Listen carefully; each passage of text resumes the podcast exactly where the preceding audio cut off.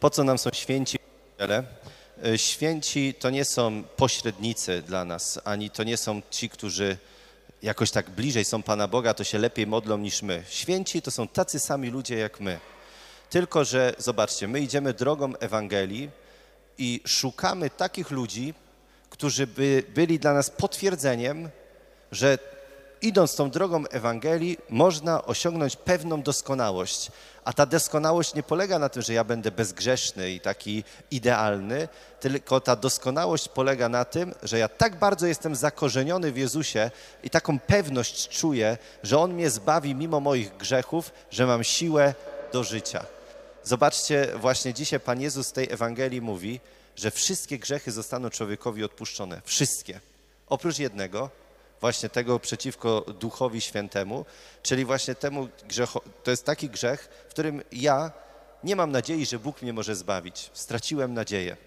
Czyli, że jestem takim grzesznikiem, że już nawet Bóg nie jest w stanie mnie wybawić. No i wtedy jakby siłą rzeczy, kiedy ja nie mam tej nadziei i wiary w Jezusa, no to skazuję siebie na piekło, ponieważ nie szukam w Nim ratunku, tylko zamykam się swojej grzeszności. I to jest konsekwencja właśnie to nie jest tak, że Bóg kogoś skazuje i powie, o jak zrobisz ten grzech, to na pewno pójdziesz do piekła. Tylko człowiek sam siebie skazuje i mówi, nie ma już dla mnie nadziei.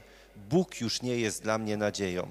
Miłosierdzia, obraz Jezusa miłosiernego, Jezu ufam Tobie, właśnie po to został nam dany, żebyśmy my ciągle pokładali tą nadzieję w Jezusie i wierzyli, że On jest moim wybawicielem i On mi daje siłę.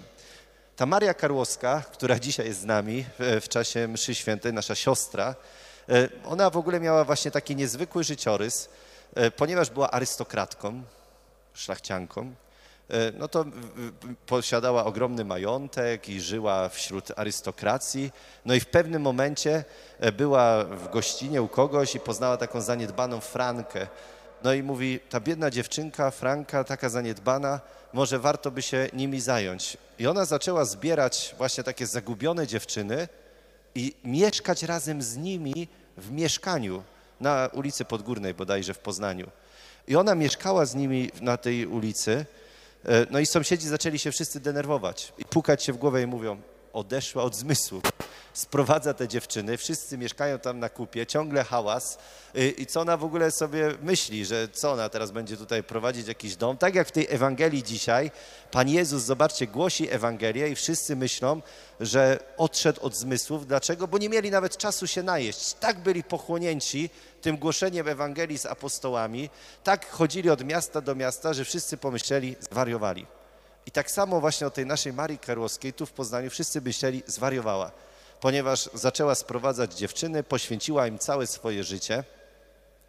No i tak właśnie ona zaczęła modlić się o to, żeby znaleźć jakiś dom, gdzie by mogła zamieszkać. No i właśnie inna szlachcianka, arystokratka mówi, a kupię ci tutaj kawałek ziemi, trzy hektary na winiarach, zbudujemy jakieś zabudowania i tam będziesz mogła mieszkać e, z tymi dziewczynami. No i do tej Marii zaczęły dołączać kolejne kobiety, siostry, które razem z nią zaczęły mieszkać właśnie z tymi dziewczynami, je wychowywać.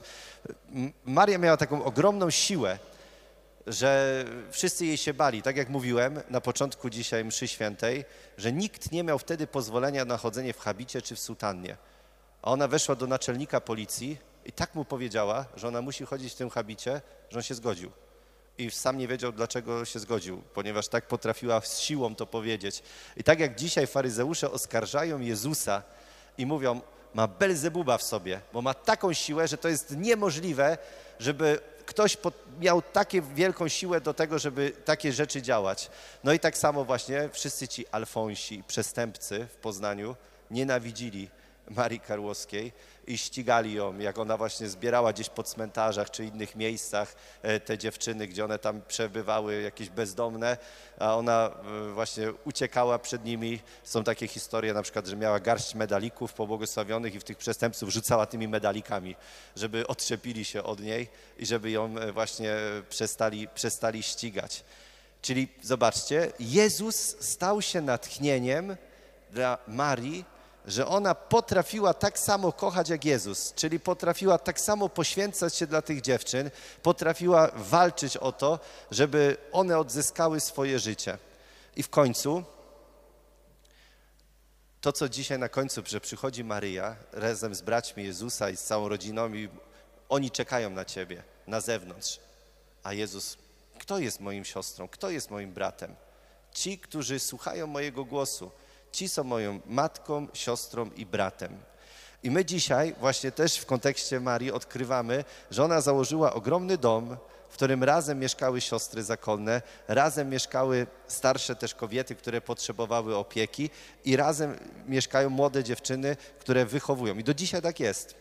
Tym domu na Piątkowskiej, tam nie wiem, mieszka w tej chwili może 60 kobiet i mieszkają siostry zakonne, mieszkają starsze kobiety, którymi siostry się zajmują i młode dziewczyny, które siostry wychowują. I to nie jest to łatwa sprawa. Tam policja często przyjeżdża, ponieważ różne ostre walki tam się e, dokonują w tym domu i kłótnie, a siostry mimo wszystko naśladują swoją założycielkę, Marię i cały czas wierzą, że Pan Jezus daje im siłę do tego, aby poświęcać swoje życie dla drugich. I chciałbym, żebyśmy my dzisiaj e, nie myśleli sobie właśnie o Marii, że ona teraz jest jakąś taką wielką siłą dla nas, albo że ona e, jest jakąś nadzwyczajną w niebie osobą, ale żebyśmy pomyśleli sobie, że ta Maria modliła się tak samo jak my w tych ławkach że ona też była w tej parafii, chodziła tymi samymi ulicami, w których e, my chodzimy, że mieszkała w tych naszych domach, w których my dzisiaj przebywamy.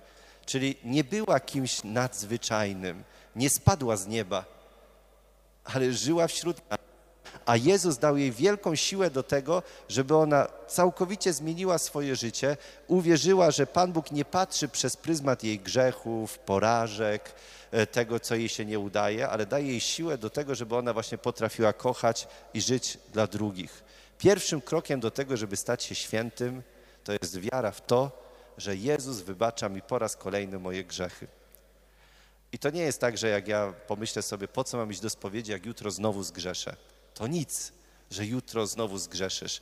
Bo w spowiedzi świętej nie chodzi, że ty masz się zaprzeć teraz i jutro się poprawić, ale w spowiedzi świętej chodzi o to, że ja pokładam nadzieję w Jezusie. Kiedy przełożycie ten punkt ciężkości, to będziecie mogli dokonywać tak wielkich rzeczy jak Maria Karłowska.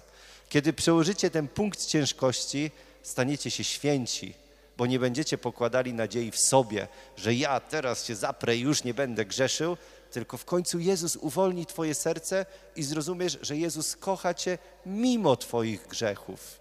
Kiedy przełożycie ten punkt ciężkości właśnie na Jezusa, zobaczycie, że każdego dnia będzie chciało Wam się wstawać. Każdego dnia będzie chciało Wam się robić coś dla drugiego człowieka. Odejdziecie od zmysłów, ponieważ będziecie chcieli żyć Ewangelią cały czas, głosić ją, kochać drugiego, żyć dla drugich. I po to są nam święci potrzebni, żebyśmy uwierzyli, że to życie Ewangelią, którą zostawił nam nasz Pan, Jezus Chrystus, jest możliwe. Uwierzmy to dzisiaj, modląc się razem z naszą siostrą Marią Karłowską.